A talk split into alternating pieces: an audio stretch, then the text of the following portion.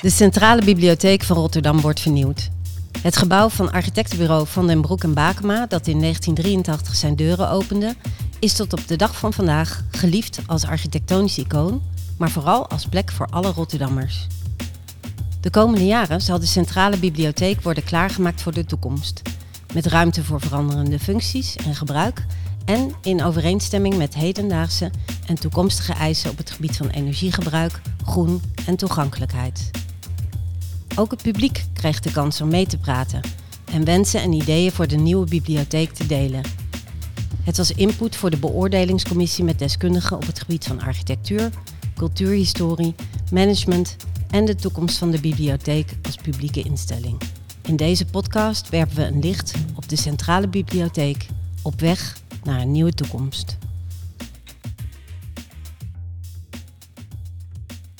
Dit is deel 3. Klaar terwijl u wacht. De transformatie van de Centrale Bibliotheek heeft heel wat voeten in de aarde. De identiteit en structuur van het oude gebouw blijven overeind, maar tegelijkertijd gaat er ook veel veranderen. Er komt meer licht, lucht en ruimte in het gebouw. Installaties worden vernieuwd, materialen vervangen en muren en plafonds doorgebroken. En dat is nog maar een deel van alle bouwwerkzaamheden die van 2025 tot 2028 in beslag zullen gaan nemen. Waar al die boekenwurmen, voorleesvaders, schaakspelers en studenten in de tussentijd dan naartoe moeten? Aan de Libreiensteeg, op 200 meter afstand van de centrale bibliotheek, wordt op dit moment een gemeentekantoor klaargemaakt om drie jaar lang dienst te doen als tijdelijke bibliotheek. Daar zal bijna alles te vinden zijn waar bezoekers voorkomen in de bestaande biep. En er is een beetje ruimte voor experiment.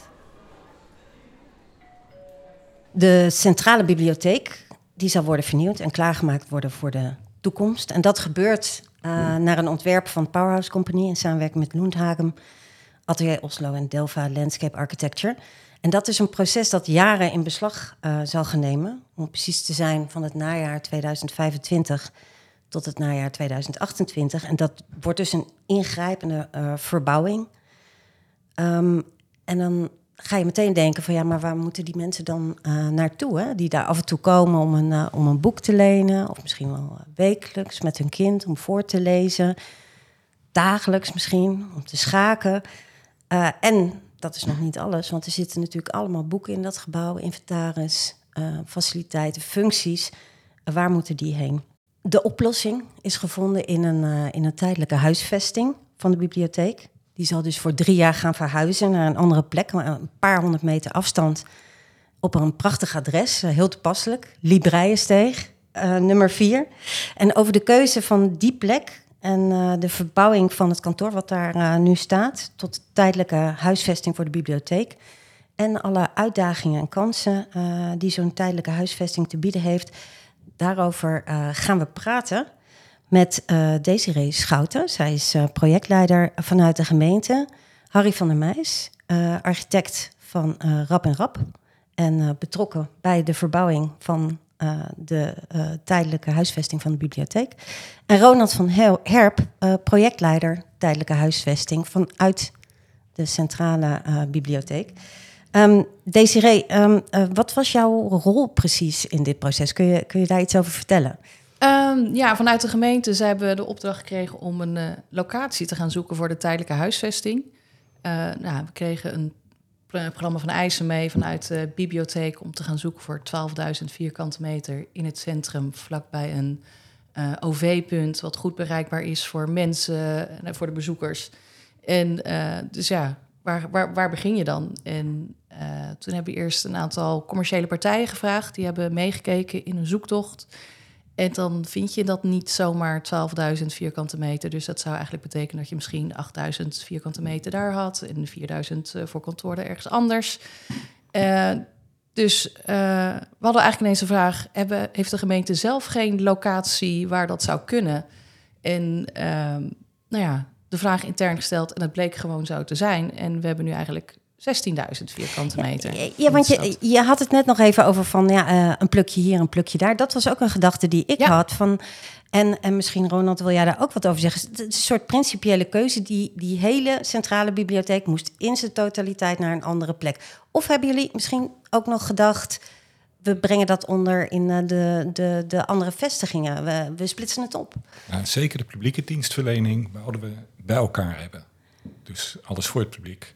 Uh, we hebben even gedacht, kantoren splitsen, misschien wat minder collectie plaatsen. En die collectie dan in een, in een, in een magazijn zetten en beschikbaar maken.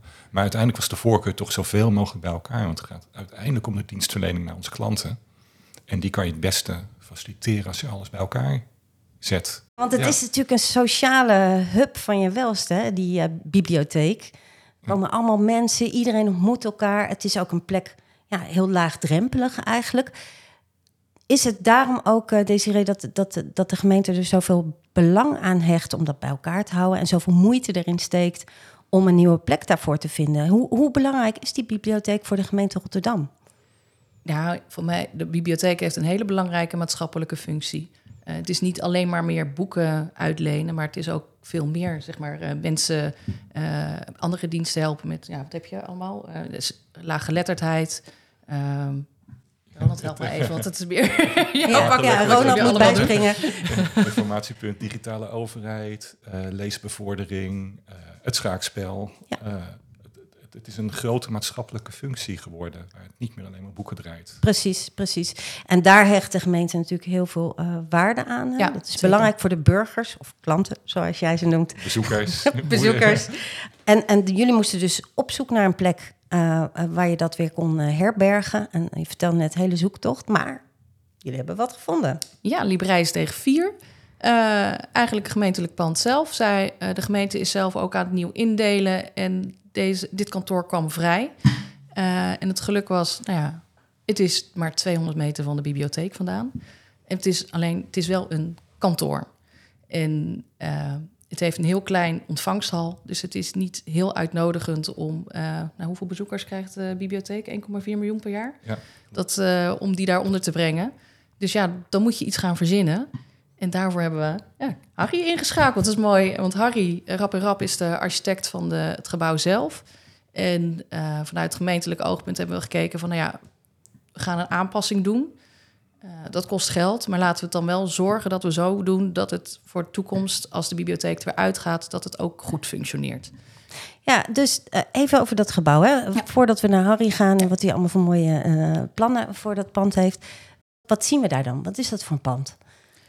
Uh, nou ja, de entree ligt in een steeg, dus ja, dat, dat is wat lastiger te vinden. En je komt binnen eigenlijk op een soort patio, een binnentuintje. Ja. Uh, en dan kom je binnen in een hal. Die is niet heel groot en dan moet je echt poortjes door. En dan zijn er beide zijden zijn er twee liften. Uh, en dan kan je, in het gebouw is in de vorm van een H. Dus je hebt aan twee kanten een poot aan de binnenrotte en een poot aan de botersloot. Die wordt verbonden met een binnenstuk. Uh, dus ja, het, uh, het is echt een gemeentelijk kantoor. Met, dus... met kantoortuinen, Harry, misschien, want jij bent daar natuurlijk wel vaak geweest inmiddels. Ja, we hebben dat uh, toen dat tijd ontwikkeld uh, in opdracht van een ontwikkelaar, of ontworpen in opdracht van een ontwikkelaar. En, Want jullie zijn de architect dus ook van het gebouw zoals het er nu staat? Wij zijn de architect van het oorspronkelijke gebouw aan de ja. Libreiensteeg. Dat stond toen op de toenmalige KPN-centrale, die stond daar nog. Dat werd gesloopt in combinatie met de woontoren die nu bij de bibliotheek staat. En daar hebben we dit pand voor een ontwikkelaar ontworpen. En uh, daar is het eigenlijk is het een, een layercake van verdiepingen met kantoortuinen. Ja. Dus uh, 20 meter diep, die, uh, die vleugels. En daar zitten, zitten voornamelijk kantoortuinen en kleinere cellen. Ja. Dus het is een flexibel kantoorgebouw, ja. Maar het is een kantoorgebouw. Ja. En eigenlijk op het moment als, als de gemeente bij ons kwam om te vragen of het haalbaar was om daar een bibliotheek in te stoppen, toen, uh, toen dat is best een lastige opgave. Moesten jullie even slikken? Uh, ja, ik, ik vond het eigenlijk wel leuk, omdat je natuurlijk, uh, je, gebouwt, je, je bouwt een gebouw niet solitair voor één functie, maar eigenlijk moet die steeds kunnen vernieuwen en ook door de tijd heen duurzaam kunnen zijn. Dus eigenlijk was ik wel blij met die opgave, maar het is, het is eigenlijk onmogelijk. Dus we hebben natuurlijk ook geprobeerd, uh, want de entree al, waar ook deze Irena verwees, je moet op, op een of andere manier 1,4 miljoen mensen ontvangen per jaar in een gebouw wat eigenlijk geschikt is voor hoeveel mensen lopen er bij sociale mm, zaken naar binnen? Nou, volgens mij zit er duizend werkplekken of zoiets. Zitten Ja, duizend dus het, is- het is nu een kantoor, sociale zaken. Iedereen zit daar in een kantoortuin, lekker rustig. Na COVID misschien nog wel iets rustiger. Absoluut. En eh, dan krijg jij als architect, Harry, de vraag... eh, maak dit eens even geschikt voor 1,4 miljoen mensen per jaar. En, en daar komt die haalbaarheid kijken. We hebben eerst een haalbaarheidsstudie gedaan. Dat heeft denk ik eh, twee, drie maanden geduurd. En hebben we gekeken van kunnen we die mensen ontvangen? Eh, kunnen we eventueel eh, eh, ingrepen aan het gebouw doen... waardoor er wat meer circulatie kan komen? Want een, een, kantoorgebouw heeft een andere circulatie dan een bibliotheek. Hebben we het dan over mensencirculatie of Over- licht, luchtcirculatie? mensen. Ja, Over mensen. Dat, ze, dat ze wat door, door het gebouw kunnen gaan zwerven. ja. En eh, dat is op zich heeft dat tot de uitkomst gekregen dat we inderdaad een grotere entree al kunnen maken. En, en dat, dat we de mensen op de een of andere manier wel die tien bouwlagen naar boven kunnen krijgen op een aangename manier. Er zit inderdaad, wat Desiree zegt, zitten vier liften in. Dat is, eh, dat is ruim voldoende. En we maken ook nog ruime trappen, roltrappen, die tot de tweede verdieping komen. Dus alle publieksintensieve functies proberen we beneden te lokaliseren. En daarboven eh, de uitleenfuncties en de kantoren. Waardoor het verkeer naar boven toe niet zo heel erg intensief zal zijn, maar met naar de eerste en tweede verdieping eh, wel intensief. Interessante vraag dus. Dus je zet ooit, hè, eh, nou, ik weet niet hoe lang geleden, daar een kantoorgebouw neer. Nu krijg je de vraag, transformeer dat naar een tijdelijke eh, bibliotheek. Ehm, dat gaat lukken, zo te horen. Iedereen kijkt nog steeds heel blij hier aan tafel, dus dat, dat is mooi. Ehm, ik ben benieuwd naar jullie eh, samenwerking, want eh, hè, je noemt dan net al een aantal eisen waaraan het moet voldoen. Harry, eh, jij hebt ook net wat functies genoemd, dus er is op een gegeven moment een programma van eisen opgesteld. Eh, er is bedacht wie eh, het moet gaan doen en hoe lang het moet gaan duren en wat het moet gaan kosten. En kunnen jullie iets vertellen over hoe dat proces precies is ingestoken, hoe het in elkaar zit? Ja. De rolverdeling. Ehm, in ieder geval, de bibliotheek had een programma van eisen opgesteld. Die was toen gebaseerd op 12.000 vierkante meter. Hier hadden we wat extra's. Dus daar is de Biep toen nog mee aan de slag gegaan... om dat programma van eisen en de ruimte staat... eh, meer op het gebouw specifiek. Want ja, eerst, we hadden eerst geen gebouw, maar wel een programma van eisen. Maar ja, dan moet je eerst dat eh, programma van eisen op het gebouw eh, aan gaan passen. Daarnaast hebben we eigenlijk het ontwerpteam die het gebouw gemaakt heeft... of ontworpen heeft, die hebben eigenlijk ook weer bij elkaar geroepen... Want ja, de, ja, de zit, er zitten toch wat verrassingjes in... wat constructief toch anders is dan dat je dat zou verwachten. Dus dat is eigenlijk wel heel fijn dat we die kennis al in huis hadden... voordat je allerlei dingen gaat verzinnen wat eigenlijk achteraf niet kan. Ehm, dus, die, ja, dus het oude team hebben we weer bij elkaar eh, gezet. Eh, en daarnaast hebben we voor, om het echt straks een biep te kunnen maken... ook nog een interieurarchitect eh aan laten haken. Dus dat is dan Bras Westinga... En dat hebben we in samenwerking met de bibliotheek geselecteerd. Ja, ik heb een armband. Die doe ik Nee, prima. Maar ook even over de timing. Hè? Want Ja. je weet, je hebt dat pand straks drie jaar nodig. Ehm, oh, in 2025 moeten de deuren echt open. Of eerder al? Eh, nee, het is nu eh, eind eh, 2025 is het streven om hem eh, open, ja, te openen. Ja. En eh, ja, dat proces, we hebben ook goed gekeken met naar mijn collega's naar de vernieuwing. Van hoe sluiten we op elkaar aan? Hoe loopt de vernieuwing? En hoe eh, moeten we zorgen, ja, als de tijdelijke huisvesting uitloopt, loopt de vernieuwing uit. Maar als de vernieuwing vertraagt, dan is de Ja, tijdelijke precies. huisvesting. Dus dat, ja, we zorgen met, we hebben een integraal ontwerp, niet een integraal projectteam, waar we dat eh, met elkaar goed afstemmen. En ja, we zitten nu zo in het proces dat we ons best doen om ja, eind 2025 open te gaan. Maar we hebben ook nog wel ja, het interieur. We gaan zoveel mogelijk proberen her te gebruiken van de bibliotheek. Dus dat is eigenlijk als je binnenkomt, dat het er ook weer een beetje zo uitziet als op de huidige locatie. Precies, dus mensen gaan Ja. zich daar weer helemaal thuis voelen. Ja, Ehm eh, eh, vereende kracht, hè? De, de oude ontwerper die architectonische ingrepen gaat doen, interieurontwerper, de bibliotheek met alle specialismen aan hun kant en jullie als gemeente. Eigenlijk ja, eigenaar van het pand natuurlijk, Ja. maar ook financier neem ik aan. Ja, klopt. Eh, ja, wel de in de haalbaarheidsstudie hebben we een keertje doorgerekend en we hebben nu het eh, voorlopig ontwerp eh nogmaals een keertje doorgerekend.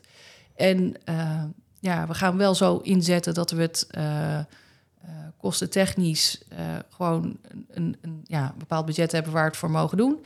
Uh, met zoveel mogelijk hergebruik. dus als Hardy een paar kozijnen eruit gaat halen voor de entree, gaan we kijken of we ze ook weer in een nieuwe gevel kunnen toepassen. Um, dus ja, dat. ja, om zo, ja, en zo maak je het passend. En zo proberen we het passend te maken. Dus daar gaan we zeker wel ons best voor doen. Nou, hartstikke goed. Paulien Filippa, uh, jij bent, uh, um, ja, hoe zullen we het noemen? De lerares van, de, van, het groepje? Ja, ik noem het geen lerares. Het is eigenlijk uh, een medewerker. We, we, zitten in een café, taalcafé. Dus het is voornamelijk praten met elkaar. En de cursisten aan mijn tafel, ik heb er meestal een stuk of zes, acht. En dat zijn al de vergevorderden. Er zijn allerlei niveaus hier. Elke tafel heeft wel zijn eigen niveau. Dat is voor iedereen het leukst. En bij mij is het best wel een hoog niveau. Dus vaak uh, gaan we een stukje lezen. Dan uh, download ik iets uit het AD of een andere krant. Een stukje over Rotterdam natuurlijk. En dan lezen we dat gezamenlijk. Uh, ieder een blokje, ieder een alinea. En dan gaan we uitleggen van wat betekent het. En ik, ik ga het niet uitleggen, ik vraag aan hun wat betekent het. En er is altijd wel één die iets weet. Heel leuk. En, en, en ben je zelf uh, van huis uit uh, ook uh, lerares? Of hoe nee. kom je in verzeild? Ik heb een tijdje voor een krant geschreven en ik heb wel interviews gedaan met video vroeger in mijn werk. Ja. Maar um, nee, ik, um, ik ben geen lerares geweest. En, ik vind dit wel ontzettend leuk. Ja, want het is vrijwillig. Ja. als ik het mag zeggen, u bent al enigszins op, op leeftijd. leeftijd. Ja hoor. um, is het uh, voor u ook een, uh, ja, een manier om iets bij te dragen aan de samenleving? Zeker. Hoe moeten we dat ik, zien? Eerlijk gezegd, ik weet niet wie het leuker vindt, de cursisten of ik. Ik kom hier altijd met heel veel energie vandaan. Ik vind het erg leuk om zelf te doen en dan ook om me voor te bereiden en te denken: oh, dit is weer een leuk stukje om te behandelen. En ik doe van alles. ook zinnen maken, bijvoorbeeld met een dobbelsteen met allemaal letters erop. Rollen we en dan moeten ze met, dat, met die letter een zin maken.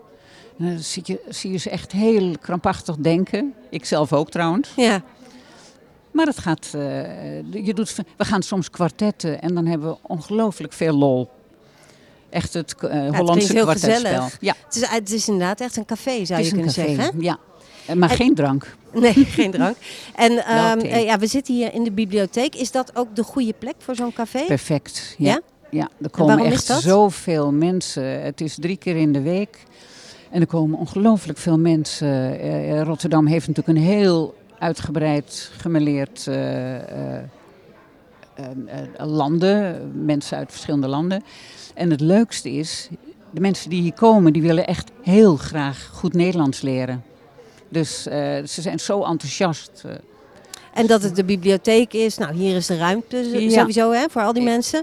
Maar het is dus ook eigenlijk een plek die uh, makkelijk te vinden is. Laagdrempelig is. Laagdrempelig. Bovendien uh, gaan ze vaak hierna nog even. Er is een bepaalde hoek hier waar juist voor uh,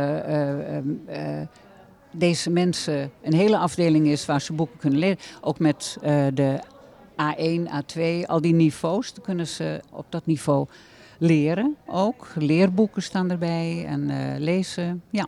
Nou, fantastisch. En we doen dus ook leescafé. Nu zijn we bezig met een boek van Multatuli. Wauw. Dat klinkt heel, uh, maar het is vereenvoudigd gemaakt in een klein boekje. Een heel lief, leuk uh, verhaal, maar wel het verhaal van en Eduard Douwersdekker. Nederlandse ja. cultuurvoet. Precies, ja, dat gaan we eerst altijd. we gaan altijd eerst heel uitgebreid vertellen waar het boek over gaat en wie Eduard Douwersdekker was en Indonesië en zo. Ja. Ronald van Herp, uh, projectleider tijdelijke huisvesting vanuit de Centrale Bibliotheek hè, in Rotterdam. Kun jij iets vertellen over de ambities uh, die er zijn voor deze tijdelijke huisvesting? De ambitie is zoveel mogelijk functies van de bibliotheek aan het publiek beschikbaar stellen. Um, we, we, willen eigenlijk een volledige bibliotheek hebben. Um, we zullen daar wat concessies in moeten doen, omdat je 30% minder oppervlakte hebt. Maar het moet een volwaardige bibliotheek zijn. Ook in deze tijdelijke situatie, ook voor deze drie jaar. En waarom was dat zo belangrijk voor jullie als bibliotheek, om dat voor elkaar te krijgen? Vanwege de belangrijke functie van de bibliotheek voor de stad, voor, voor, voor de inwoners, voor onze bezoekers. ehm, we kunnen de bibliotheek niet drie jaar missen. Ja, want wat, ehm, waarom is het, eh, wie komen daar allemaal? Waarom is het zo'n belangrijke functie eh, in die stad, in Rotterdam? Waar moet je beginnen? Waar moet je beginnen? Ja, zo, dat vind ik moeilijk. Eh, Het is natuurlijk een plek die, die, ja, je hoeft geen geld te betalen bijvoorbeeld om een bib- bibliotheek in te kunnen. Ja, Het zijn allemaal eh, functies. eh, een bibliotheek is veel meer dan boeken tegenwoordig. je, je hebt een informatiepunt digitale overheid, je hebt leesbevordering, taallessen, voorlezen aan kinderen, een, een filmzaal, een stadstudiecentrum. Er wordt heel veel gestudeerd, heel veel studenten van MBO, HBO. Ehm, die functies kunnen we niet missen in de stad. Ja, precies. Nou, heel mooi streven natuurlijk. En ook ja, een, een prachtige ambitie om voor drie jaar, wat toch een relatief korte periode is, dat allemaal eh, voor elkaar te krijgen in een, eh, in een tijdelijke eh, locatie. Ehm Desiree, ehm, eh, eh, die, die, die, hoe staat de gemeente daarin? Eh, jullie hebben natuurlijk hard gezocht om een, om een nieuwe plek te vinden. Speelde dit allemaal mee, wat hij nu beschrijft? Zo van, dat het om die reden ook zo belangrijk is om een nieuwe plek te vinden? Ja, vanwege al die functies? Jazeker, want het, het oorspronkelijke PV stond op 12.000 vierkante meter. En voor deze locatie hebben we extra vierkante meters. Eh, bij het vorige PVE was het dat de studieplekken zouden halveren. En omdat dat eigenlijk best een hele belangrijke rol is eh, voor de stad of voor de bibliotheek, dat daar studenten eh, wel een goede plek hebben, omdat ze dat thuis waarschijnlijk niet goed te rust hebben om daar te kunnen studeren is het mogelijk, doordat we hier extra vierkante meters hebben, om die studieplekken, het aantal in ieder geval te behouden. Dus dat, ja, dat is echt wel fijn dat dat op deze plek is gelukt. Dus dat, Ja, dus op die manier neemt de gemeente het eigenlijk op hè, voor zijn burgers, zoals het natuurlijk ook hoort. Ja. Van, dit zijn allemaal belangrijke functies. Die moeten we die drie jaar eh, blijven houden. Want Ronald, ehm, het gaat natuurlijk ook om een, ehm, een band die eh, de gemeente of de bibliotheek heeft met de gebruikers. Hè? Een band die je niet wil eh, verliezen, neem ik aan. Was dat ook inzet voor jullie? De, de inzet is wel het aantal bezoekers te behouden. Mhm. We willen dezelfde bezoekersaantallen blijven bereiken. Dus ja, dat was wel een inzet. Ja, ja, precies. En hoe ga je nou zorgen dat die mensen dat allemaal weten dan? Dat ze nog steeds terecht kunnen, maar dan op een hele andere plek. Is daar een, heel, eh, een Ja. eh, hele campagne voor bedacht? Of, eh, Da- daar ik- zijn we een campagne voor aan het bedenken. We hebben Ja. een afdeling communicatie samen, Mhm. met, samen met de gemeente. Ehm, en dat gaat zeker een, een, een aandachtspunt zijn over een aantal jaar als we gaan verhuizen. Allemaal borden op straat van... eh, Borden, grote, grote gele strepen, gele buizen. Oh, wauw. eh, Ja. Verzin het Ja. maar. Oh ja, Eh, dat is leuk. Ja, er moet zeker wat te verzinnen zijn. De hele verhuizing natuurlijk gaat een hele happening worden die je als communicatie kan gebruiken. Ehm, er werd al geopperd, plak op ieder meubelstuk dat meegaat. We gaan circulair inrichten. Mhm. Eh Thomas Westing gaat, gaat alleen maar meubels gebruiken die we nu hebben. Plak op ieder meubelstuk dat meegaat. Dit stuk gaat mee naar het Libreiensteeg. En begin daar een jaar van tevoren al mee als Ja. communicatiemiddel. Ja, En ook om, om eh, ja, iedereen die daar komt eh, mee te nemen in van... joh, we gaan met z'n allen... Ja, we De gaan, met, we gaan met z'n allen. eh, we, gaan, we gaan het circulair doen. We gaan niets nieuws aanschaffen. Ook dat is een, een belangrijk iets wat we willen uitdragen. Ja, ja precies. En hoe zit het dan met, eh, met het bibliotheektheater bijvoorbeeld? Gaat dat dan ook mee? Is daar, is daar plek voor? Of, Nee. of misschien, uh, Maaike, eh, kun jij daar iets over zeggen? Nou, echt als Maaike het- Westing- Westinga? Ja, hallo. Ehm, nee, theater gaat niet eh, zo letterlijk mee, maar er is wel een ruimte op de begane grond eh, georganiseerd die voor vrije programmering in te vullen is. Dus, dus er komt eh, ja, in, in, met beperkte middelen een plek waar bijeenkomsten kunnen worden georganiseerd, maar ook exposities of. Nou Ja, ja, precies. Dus een beetje, zeg maar, hè, de centrale hal zoals we die nu kennen van de bibliotheek... die, krijgt, ja, die komt in een andere vorm, zeg maar, in deze tijdelijke huisvesting eh, terecht... met dus de mogelijkheden van het huidige bibliotheek. Ja, het is heel belangrijk, ook omdat we naar een kantoorgebouw verhuizen met negen verdiepingen, eh, dat er een centrale plek is waar makkelijk binnen te lopen is. En eh, daar hebben we in het ontwerp ook een, een, soort groot meubel geïntroduceerd, omdat de, oppervlakte minder groot is, maar het over twee lagen eigenlijk eh, verspreid raakt. En vanuit die begane grond de binnenkomen met een nieuwe entreehal die Rap en Rap eh, ontwerpt, eh, vind je de, het café, Ehm, de reserveringen die klaarstaan, het inleveren en ook die vrij programmeerbare ruimte. Dus het is wel de bedoeling dat het een beetje een bus wordt daar. Ja, precies. Ja, ja, ja. Echt die, die verwelkomende plek, hè, die de bibliotheek nu natuurlijk ook is. Um, in hoeverre uh, heb je nog gekeken naar andere voorbeelden? Heb je überhaupt, zijn er tijdelijke bibliotheken waar je naar kunt, uh, kunt kijken? Uh, die zijn er vast, maar op deze schaal ken ik ze niet. Dat is ongekend, hè? Ja, dus ik denk dat dit wel de enige echt zo grote operatie is die tijdelijk verhuist. Hey, en als we dan kijken naar de collecties, hebben jullie daar straks al iets over gezegd? Hè? Er is natuurlijk een enorme hoeveelheid boeken, ehm, er zijn tijdschriften, muziekcollectie, uh, de erfgoedcollectie. Deels in een kluis ben ik nog geweest. Ja. Vorig jaar. um, ja, passen die er allemaal in? Gaan die ook allemaal mee? Nou ja, wat Ronald net al zei, is dat er wat minder oppervlak is. Dus dat er een deel van de collectie in een soort warehouse. Dus die, die, die boeken worden dan beschikbaar op aanvraag.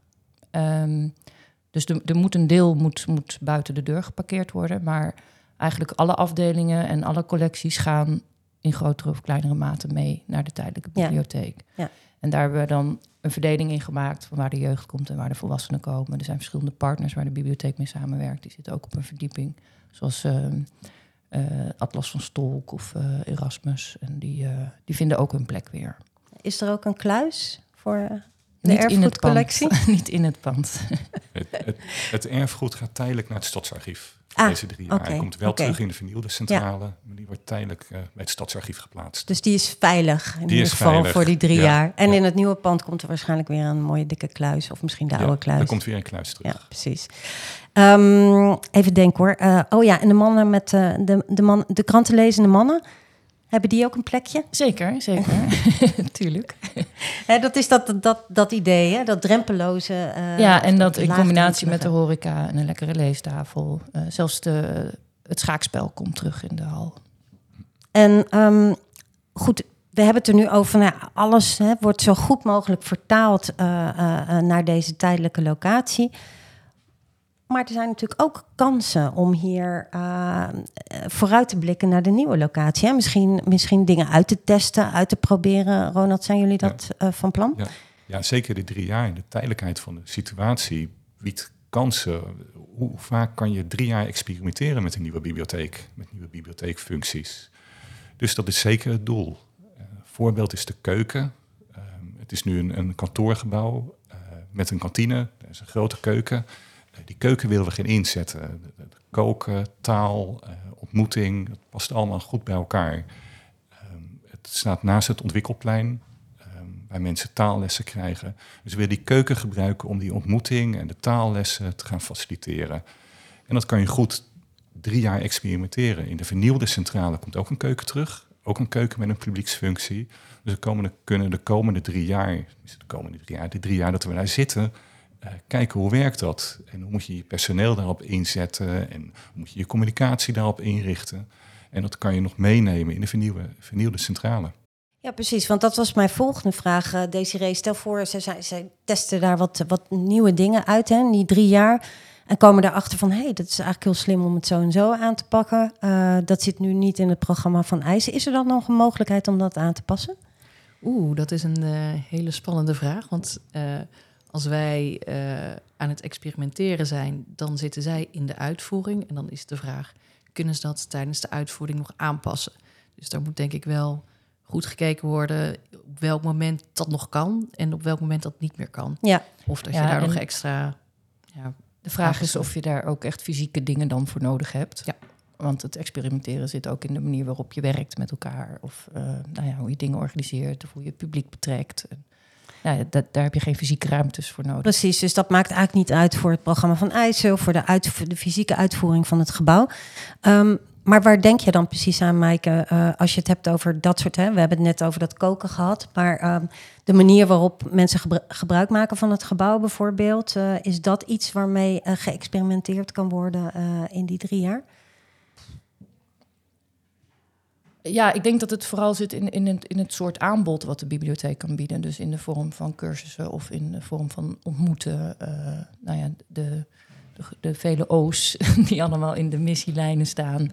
Uh, dus dus de, de, hè, de ontwikkelen, ontmoeten. Uh, en ik denk dat daarin, nou, en daar proberen we ook in die tijdelijke situatie plek voor te maken. Dus ook dat is niet echt iets heel fysieks, maar meer dat er ruimte is om op, op verschillende manieren bij elkaar te kunnen komen. Ja, en daar zou je van kunnen leren, zeg maar, hè? Door, ja. door, door nieuwe dingen te gaan doen in die, uh, in die tijdelijke huisvesting. Kijken of het werkt, hoe het nog beter kan. Ja. En wie is dan het publiek? Dat is eigenlijk elke inwoner van Rotterdam. Mm -hmm. Ja.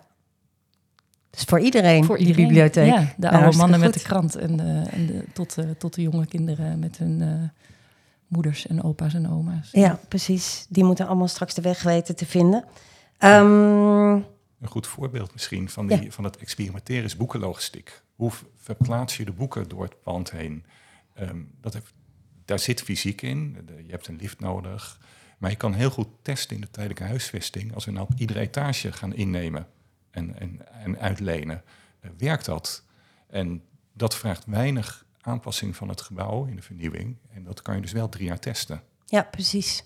Ja, dat is natuurlijk heel interessant, hè? want het, ja, je, je, maakt eigenlijk een aantal stappen vanuit het uh, klassieke uitleenmodel uh, met één balie, zeg maar. Uh, hè, op een gegeven moment is dat gedigitaliseerd en nu kun je je natuurlijk gaan afvragen van ja, waarom doen we dat eigenlijk niet op iedere verdieping, ja, op inderdaad. verschillende plekken in het gebouw? Ja. En ja, dat op die is... manier krijg je je boeken ook weer op de, op de verdieping waar je ze hebben wil. Dus dat scheelt ook weer logistiek ja. in het verrijden van alle boeken en karren en ja. Okay, dus en, allemaal... en zeker in de tijdelijke huisvesting, waar we beperkt zijn in, in de verticale logistiek, um, wil je eigenlijk zo min mogelijk uh, personeel met boeken op en neer laten reizen. Precies. Want die liften die wil je liever voor het publiek gebruiken.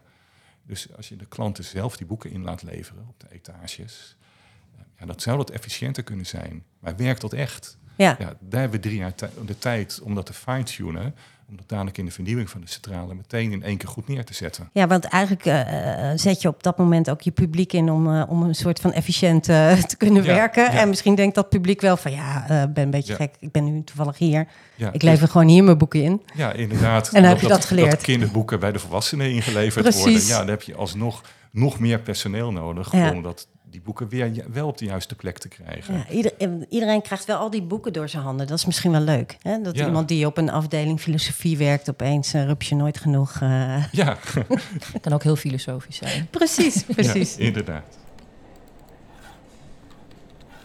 Ehm, ik zit hier met Milan van der Valk, eh, student kunst en economie aan de HKU. Dat Yes. is in Utrecht. Eh, maar je zit hier aan een tafel in de bibliotheek van Rotterdam. Hoe Ja. komt dat zo? Eh, nou, ik woon hier eigenlijk al mijn hele leven. En eh, wegens gebrek aan vergelijkbare studies in Rotterdam ben ik eh, in Utrecht gaan studeren, maar wilde daar niet heen verhuizen. Dus ik ben gewoon lekker in Rotterdam gevestigd nog en eh, daarom zit ik hier in de Biep. Ja, precies. En wat is dit? we zien hier altijd best wel veel studenten, hè? mensen die hier zitten te studeren. Ehm, eh, ja, wat is de aantrekkingskracht dan van, eh, van deze plek voor jullie? Ehm, ja, ik weet niet. Ik denk dat ik me thuis gewoon sowieso niet zo heel goed kan concentreren. En ja, in de Biep voel ik me gewoon wat serieuzer of zo. Dan ga ik ergens heen in plaats van dat ik gewoon thuis ben en gewoon ja, eigenlijk ook net zo goed op de bank kan zitten. En ja, dan ga ik ergens heen. Eh, ik zit meestal boven op de zes in de stilte ruimte. En dan, ja, ik weet niet. Ik ben gewoon altijd lekker gefocust, lekker serieus bezig. Omdat ik gewoon iets aan het ondernemen ben voor mijn gevoel. Dat Precies, dat je echt even die stap maakt van oké, eh, nu even serieus Ja, aan de ja. studie. Exactly. Even een paar uur eh, goed, eh, goed Ja. geconcentreerd werken. Die stilteruimte boven, hoe, hoe zit, kun je een beetje uitleggen hoe dat eruit ziet, hoe dat werkt? Ehm, ja, het zijn heel veel kleine bureautjes eigenlijk die in een hele grote afgezonderde soort van ruimte zitten. Waar je ja, een beetje je laptop op kan laden, je telefoon op kan laden. Ehm, je hebt wifi, je kan chill zitten. Er zitten veel mensen om je heen die ook aan het werken zijn. Wat mij ook altijd helpt. Dat ja, als ik even op mijn telefoon zit of zo, dat ik dan ik weet niet, denk door al die mensen om me heen, ik moet eigenlijk gewoon gaan werken. dus dat, eh, ja, ik weet niet, iedereen is lekker serieus bezig. Het is gewoon een fijne, relaxed plek. eh, waar je gewoon snel naartoe kan lopen om even te gaan studeren. Ja, precies. Dus echt een stok achter de deur van goed, je gaat daar zitten.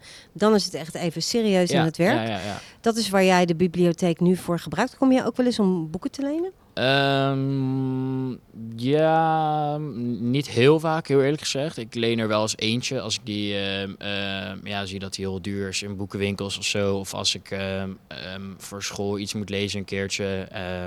of ik zie gewoon een boek wat ik wil lezen en kijk even op de website of die er is. Dan loop ik meestal ook gewoon eventjes erheen. Dus wel is, niet heel vaak moet Ja, eerlijk precies. zeggen. Zo af en toe. Ja. En wij zitten hier nu op de vijfde verdieping, ook weer omringd door eh, boekenkasten. Ja, want dat is natuurlijk toch wat een bibliotheek is. Eh, eh, Ja. En het nieuwe gebouw, als we straks weer hier terug zijn. Ehm, ja, wat, wat verwacht je daarvan? Of wat hoop je daarvan? Ehm, nou, ik heb eh, toevallig op de website al een paar beelden gezien van hoe het eruit gaat zien. Dat zag er allemaal gewoon heel mooi uit. Ik denk dat het wel echt een toevoeging wordt aan, aan de plek in de stad hier. En dat je, het is heel tof dat je gewoon nog een beetje terug kan zien hoe het oude gebouw eruit zag. En ja, ik denk dat het alleen maar, alleen maar een verbetering zal worden. Een oude icoon dat een nieuwe icoon wordt. ja, zoiets. precies, precies. Harry van der Meijs en eh Maaike Westinga, eh, jullie werken samen aan die tijdelijke huisvestingen. Maaike, jij doet het interieur en Harry eh, gaat over de architectuur. Kunnen jullie iets vertellen over ja, hoe dat proces eruit ziet? Hoe jullie samenwerken? eh, wie wat doet? Zal ik eh, een aftrap doen? Nee, we hebben vorig jaar, net voor de zomer, ehm, ons ingeschreven voor de aanbesteding die de bibliotheek en de gemeente hadden uitgezet. En ehm, nou, daar hebben we een visie mogen neerleggen en daar zijn wij als architectenbureau eh, uitgekomen. Harry heeft eh, ooit het oorspronkelijke gebouw ontworpen en eh, is gevraagd om de entree te vergroten. Want de uitdaging is dat we vanuit de huidige bibliotheek met heel veel bezoekers per jaar, ik geloof een miljoen, eh, over negen verdiepingen verspreid moeten, eh, het publiek moeten kunnen verspreiden. Dus daar zijn wat bouwkundige ingrepen voor nodig, waaronder het vergroten van de entree en wat logistieke zaken, waar we zo meteen misschien nog wel wat over kunnen zeggen. Ehm, maar op die manier zijn we dus eigenlijk eh, via de gemeente aan elkaar gekoppeld. En onze inschrijving, onze visie was heel stellig in dat we eigenlijk de hele inrichting van de bibliotheek met het huidige meubilair tot aan de lampen aan toe, eh, dus alles met hergebruik willen doen. En daar heeft Harry ook op uh, voortborduurd met de uitbreiding van de entree. Ja, dus Harry, uh, een gekke vraag natuurlijk. Van, je hebt daar ooit een kantoorgebouw neergezet en, en, en nu mag je terugkomen om er een bibliotheek van te maken. In samenwerking met het bureau van Maaike. Um, jullie gaan dus vooral over de, het, het bouwkundige aspect van, van deze exercitie. Ja, we hebben dat bij de haalbaarheid onderzocht. En dan is natuurlijk ook de bibliotheek, die verwijst natuurlijk naar het huidige gebouw, wat in principe een entree heeft die vrij groot is. Heel veel functie in, is bijna een plein aan de binnenrotte. En uh, die, die moest terugkomen op de een of andere manier. Daar waren ze vrij stellig in, omdat ze ook, uh, ook die uitstraling zoeken. En het gebouw aan die Libreiensteeg heeft natuurlijk wat minder lucht. Daar zitten wat minder grote ruimtes in dan in de huidige bibliotheek. Dus het eerste was eigenlijk om te bekijken hoe, hoe, hoe kunnen we die entree al groter maken en een adres geven aan de binnenrotte. Ja, en, en eventjes voor de, voor de luisteraar, niet iedereen kent de uh, Libreiensteeg, ligt tussen de uh, Botersloot, Botersloot en de binnenrotte. Precies. Ja. En dan is het, het is eigenlijk ook echt een steeg. Hè? Kun je even beschrijven hoe je daar uh, aankomt lopen als bezoeker? Uh, je komt van de binnenrotte af. Je, uh, je zit tegenover de Laurenskerk, staat een uh, de, de oude KPN-centrale. De toren van een woontoren staat daarnaast. En als je dan iets verder loopt richting de Meent, kun je rechtsaf de Libreiensteeg naast een glazen gebouw. En de Libreiensteeg was een vrij smalle steeg, uh, voordat het gebouw er kwam. En uh, we hebben daar bewust ook een kolonnade gemaakt en uh, juist een voorpleintje, uh, dat, je, dat die steeg wat minder smal werd. Dus in stedenbouwkundig opzicht hebben we die steeg eigenlijk verruimd door een galerij te maken, een overdekte galerij, met een, uh, met een voorpleintje voor het kantoorgebouw. En daar krijgt het, het kantoorgebouw zijn H-vormige vorm van. Ja, dus dat was eigenlijk al een beetje winst voor deze niet voorziene functie. Dat jullie die extra ruimte hadden in, uh, ingebouwd. Dat, dat gaf in het natraject. Dus in het traject dat we inderdaad zeiden van, dat is een mooie locatie gaf het echt een, een aanleiding om daar uh, een entree al te maken met wat meer ruimte en, uh, en uh, wat meer uitnodigend. We hebben ook geprobeerd om de entree al aan de binnenrotte te leggen. Maar daar is het gebouw niet geschikt voor. Dat hebben we uitgebreid onderzocht. Omdat het natuurlijk interessant zou zijn mochten we een adres direct aan de binnenrotte hebben. Maar dat stuit echt op functionele bezwaren, eh, constructieve bezwaren ook. Daar kwamen we niet uit. En dus hebben we de logica van het gebouw gevolgd. En die geeft eigenlijk aan om de entree aan de Libreiensteeg te leggen. Ja. En uh, dan, dan is het de uitdaging ook voor ons om, om, om, om in de gebruiksfase die bezoekers de Libreiensteeg in te krijgen en te zorgen dat ze daar een mooie entree vinden. En de bus waar Mike over spreekt, dat die ook naar, via het café naar de binnenrotte toe een adres krijgt. En ook via de, de activiteitenruimte aan de botersloot een adres krijgt. Ja, ja. En ik denk daar, daar zijn we uitgekomen. Dus we kunnen de, de, het voorpleintje kunnen we een gehele entree van maken. Hebben we een twee verdiepingen hoge entree. Ik denk van 15 à 20 meter breed. En een 10, 10 12 meter uh, diep. Uh, dus dat is een uitnodigend entree. Maken we een mooi daklicht in, waardoor de licht binnenkomt. Uh, Maaike en Roel die maken daar een mooie meubel in, waardoor, waardoor het aantrekkelijk wordt ook in de diepte daarvan. Ja, misschien is dat wel goed, dat meubel. dat is eigenlijk een, een houten constructie, dus waarmee we een extra vloer in die dubbelhoge entree maken. Maar met vides en met, met steeds wel de verbinding tussen die begane grond en die eerste verdieping. Dat geeft wat lucht en dat verbindt op die eerste verdieping ook de twee poten van de H met elkaar. Waar de jeugdafdeling zich bevindt. Dus dan krijg je ook dat er een soort circuitje ontstaat dat je weer rond kan dwalen. Dat kan in de huidige bibliotheek natuurlijk ook op elke vloer. En dat is in die H wat lastiger, maar bij die begane grond, waar, waar de meeste mensen binnenkomen en waar je iedereen langzaamaan naar zijn plek wil krijgen, uh, hebben we dus die extra circulatie toegevoegd, zodat het publiek zich ook wat makkelijker verspreidt. Ja, want je noemt het een meubel. Ja, we noemen het een meubel omdat, zoals gezegd, uh, we willen eigenlijk uitgaan van alles 100% hergebruik. Uh, maar er moeten wat nieuwe dingen toegevoegd worden.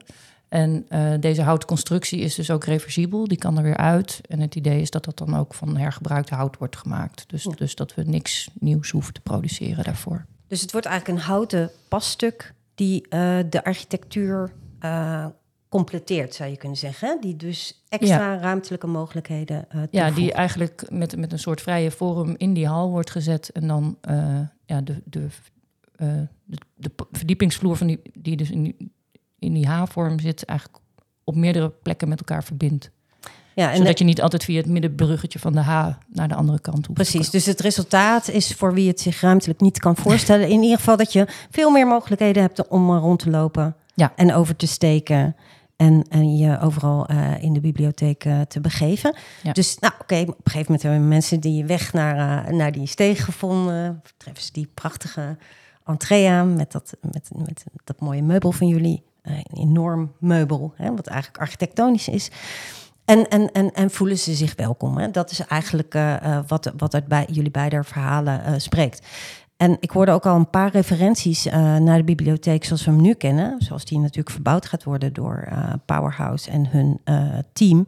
In hoeverre um, ja, is dat voor jullie een inspiratiebron? Harry, wat, wat, wat vind je eigenlijk van dat gebouw? Is dat iets waar je wat van kan leren als architect? Absoluut. Het heeft een, heeft een mooie geschiedenis. Ook, met de prijsvraag die daarvoor georganiseerd is dat was in de architectuur was dat een, eh, een belevenis, zal ik zeggen, als ik daar zo de boeken over lees. Wat wij ervan meegekregen hebben, ik heb bewondering voor dat gebouw. Maar wat wij ervan meegekregen hebben, is vooral ook dat de opdrachtgever die vraagt, die heeft het als referentie, als achtergrond uh, van de opdracht die die geeft. En uh, het huidige gebouw heeft een heel uitnodigend entree, zit ook op de hoek van de Hoogstraat en de Binnenroute. Het heeft uh, roltrappen waardoor je snel naar de zesde verdieping kan. Het heeft, het heeft een aantal aspecten die, die eigenlijk verwacht de opdrachtgever dat één op één terug in het nieuwe gebouw. En daar konden we natuurlijk niet één op één geven. En dat begrijpt, dat begrijpt natuurlijk iedereen. Alleen uh, het is wel interessant om in dat kader die discussie te voeren. En ook te kijken hoe je het terug kan krijgen, ondanks dat dit gebouw een heel ander gebouw is.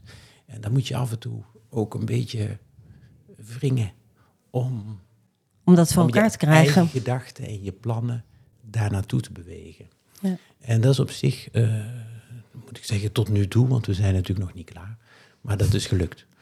Dus ik, ik denk dat we daar ook het resultaat, dat het, eh, dat, het, eh, dat het een aantal aspecten van het huidige gebouw in zich heeft. Zoals een, grote entree, verschillende ruimtes in die, in die grote entree. Dus we hebben een stadscafé, we hebben een entree die, die ruimtelijk is en die, uh, die, die spreekt. En we hebben een activiteitenruimte. We kijken ook op de een of andere manier toch wel naar de tweede verdieping toe. Uh, dus het, uh, er zijn een aantal aspecten die terugkomen vanuit het oude gebouw en naar het nieuwe tijdelijke gebouw. Ja, precies. Dus de, nou ja, de, de, hè, dat spreekt ook uit jouw verhaal. Er is heel veel. En mensen zijn echt uh, verknocht aan dat gebouw. Hè, de houden van dit gebouw, voelen zich daar thuis. Zowel jouw opdrachtgever als de burgers van Rotterdam die er gebruik van maken. Het moet dus die tijdelijke huisvesting een plek zijn waar mensen zich opnieuw thuis kunnen voelen. Uh, ik neem aan dat, Maaike, dat jij ook nog wel even goed hebt gekeken naar hoe dat allemaal in het oude gebouw uh, zit. Zeker. En um, nou, omdat wij dus het interieur gaan doen, uh, kennen we zo'n beetje elk meubel wat er nu in het huidige gebouw staat. Er zijn allemaal foto's van gemaakt, het is allemaal ook inzichtelijk gemaakt, omdat we dat dus allemaal willen hergebruiken. Maar dat was ook wel een van de gedachten toen we de visie neerlegden, dat juist bijvoorbeeld die gekke, al die, al die enorme hoeveelheid witte lampen die overal hangen, die zijn natuurlijk heel sprekend. Kan je mooi of lelijk vinden. Maar die brengen we ook terug in die tijdelijke huisvesting, omdat dat dan ook ja, nog weer even dat thuisgevoel uh, houdt. Maar om inderdaad, je hebt straks dus dat nieuwe gebouw met die nieuwe entreehal, dat meubel waar mensen zich al natuurlijk richting de eerste verdieping kunnen bewegen. En op die tweede verdieping die Harry net noemde, daar bevindt zich ook de keuken. Die nieuwe ontmoetingsplek met het ontwikkelplein en uh, daar zit ook nog een, binnentuin op de parkeergarage, dus dat is ook nog een beetje licht en groen. Maar daar, die, dus er gaat een roltrap straks ook van de begane grond naar de eerste verdieping en van de eerste naar de tweede verdieping naar, dat ontmoeting, naar die ontmoetingsplek. Um, en dat is eigenlijk gedaan ook om niet iedereen straks voor de lift te hebben staan wachten. Want er zijn maar vier liften in het gebouw, waarvan de eentje voor... Dat gaat heel veel irritatie geven. Precies. dus, dus dat doel, wilden we niet. Het idee is eigenlijk dat als, als mensen zich al over die eerste twee verdiepingen goed kunnen verspreiden... dat je dan die eerste uh, rijvorming, zeg maar, vermeden ja, hebt. Precies. Dat wil je natuurlijk niet. Ja. En dat is ook refererend aan het huidige gebouw natuurlijk. Dat is als een waterval... Uh, met al die roltrappen, heel, heel natuurlijk hoe je je beweegt. Dus dat hebben we wel geprobeerd ook hier uh, voor elkaar te krijgen. Die, die uh, natuurlijkheid hè, en het gevoel dat mensen binnenkomen en denken: ja, dit is de bibliotheek. Ja. Um, het is ergens ook een, een, um, een opdracht, zo'n opdracht voor een, een tijdelijke uh, um, huisvesting. Een opdracht waarbij je eigenlijk refereert naar wat er al is. Hè? De, niet iets volledig nieuws ontwerpt. Dus. dus op een bepaalde manier natuurlijk heel bescheiden, hè? bijna nederig om dat uh, te doen als ontwerper. Hoe kijk je daar tegenaan?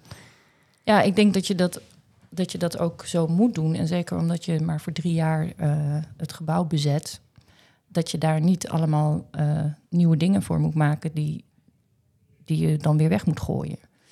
Dat kan gewoon niet meer. Dat doen we niet meer. En um, ja, dus in die zin is het nederig en is het niks met, met gelikt design, of, uh, maar de kunst juist. Om er gewoon een hele prettige bibliotheek van te maken met de middelen die we hebben. En daar voel je je bij thuis als ontwerper? Ja, dat vind ik, heel, uh, vind ik eigenlijk ook wel onze, onze taak in deze. En dan, en dan zit die bibliotheek daar, jullie al die moeite gedaan, roltrappen erin, hartstikke mooi allemaal, meubel, uh, entree. En dan na drie jaar vertrekt die bibliotheek weer. En wat dan, Harry? Ja, in die zin was het, uh, is het inderdaad, zijn het twee opgaves. We moeten een tijdelijke bibliotheek ontwerpen. En we moeten de mogelijkheden voor het gebouw na het gebruik als tijdelijke bibliotheek uh, open houden.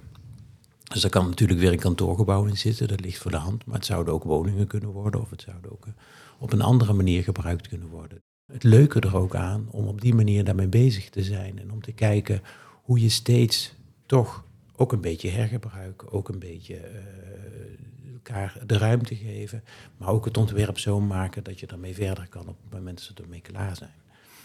En, dus proberen wij ook dingen uit te geven, inderdaad, die er nu zit, zitten te hergebruiken. Hergebruiken in een nieuwe gevel. Wij moeten natuurlijk wel materiaal toevoegen, omdat we een entree al maken. Maar we proberen daar wel het, het materiaalgebruik af te stemmen op uh, de entrees die er nu zitten. Dat is op zich een hele interessante opgave.